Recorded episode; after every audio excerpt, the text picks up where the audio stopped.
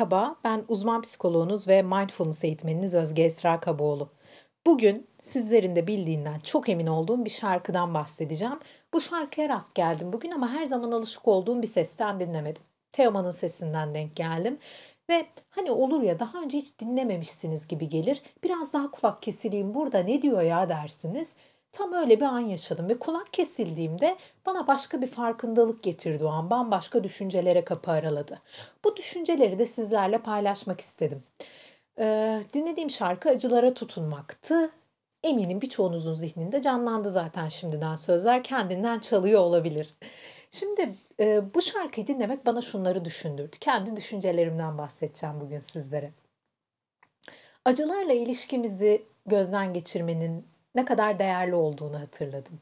Çünkü acılara bazen tutunuyoruz. Acıları çekiştiriyoruz. Acıların anın içinde var olmasına izin veriyoruz. Ancak bazen geçmişteki deneyimlerin günümüzdeki yaşantıyı istila etmesine e, maruz kalıyoruz. Bunu farkındalıkla değil, e, kendiliğinden gelen bir durumun içerisinde otomatik olarak yaşıyoruz. Bazen bu acılar bizim yaşamımızda önemli olan değerlere hizmet ediyor ve bu acıya katlanmaya gönüllü oluyoruz. Bu acıyla birlikte yola devam etmeye gönüllü oluyoruz. Adeta sevmediğimiz bir misafiri ağırlar gibi. Bazen de bu acıyla ilişkimizin ne olduğuna hiç kulak vermiyoruz. Yani hoşumuza gitmeyen zorlayıcı bir deneyim hepimizin hayatında var.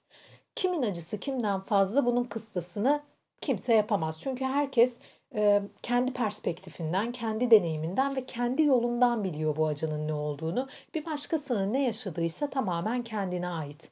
Ve her birimiz kendi bağlamımızda bir anlam biçiyoruz acıya. Dolayısıyla bu deneyimin biricikliğini göz önünde tutarak kendi acımızın içerisindeki konumumuzu gözden geçirebiliriz. Ve acı ile ilişkimizi bunu geçmişe ait bir deneyim olarak gözlemleyebileceğimiz gibi yaşamımızın tamamına yayılan ve aslında başka duygulara yer açmayan bir deneyim olarak da yaşamamız mümkün. Daha doğrusu başka duygular hayatımızın içerisinde yer alır ama e, acı çekmekle verdiğimiz mücadele ya da başka duyguları göz ardı etmek onun kapladığı alanın büyüklüğüne odaklanmak yaşamı bizler için daha zorlayıcı hale de getirebiliyor.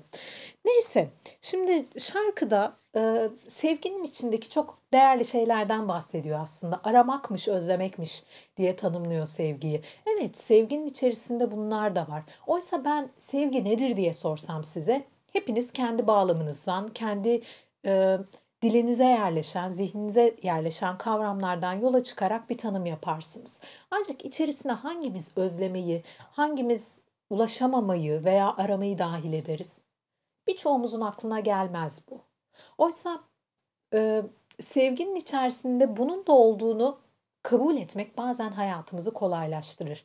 Bir şeyler beklentiye dahildir. Birçoğumuz için sevgi de hayatımızın önemli bir parçası ve ona ilişkin beklentilerimiz var.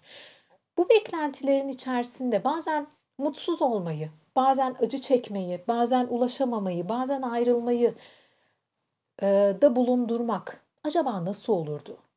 Yani daha önce bir podcast'imde bahsetmiştim bundan.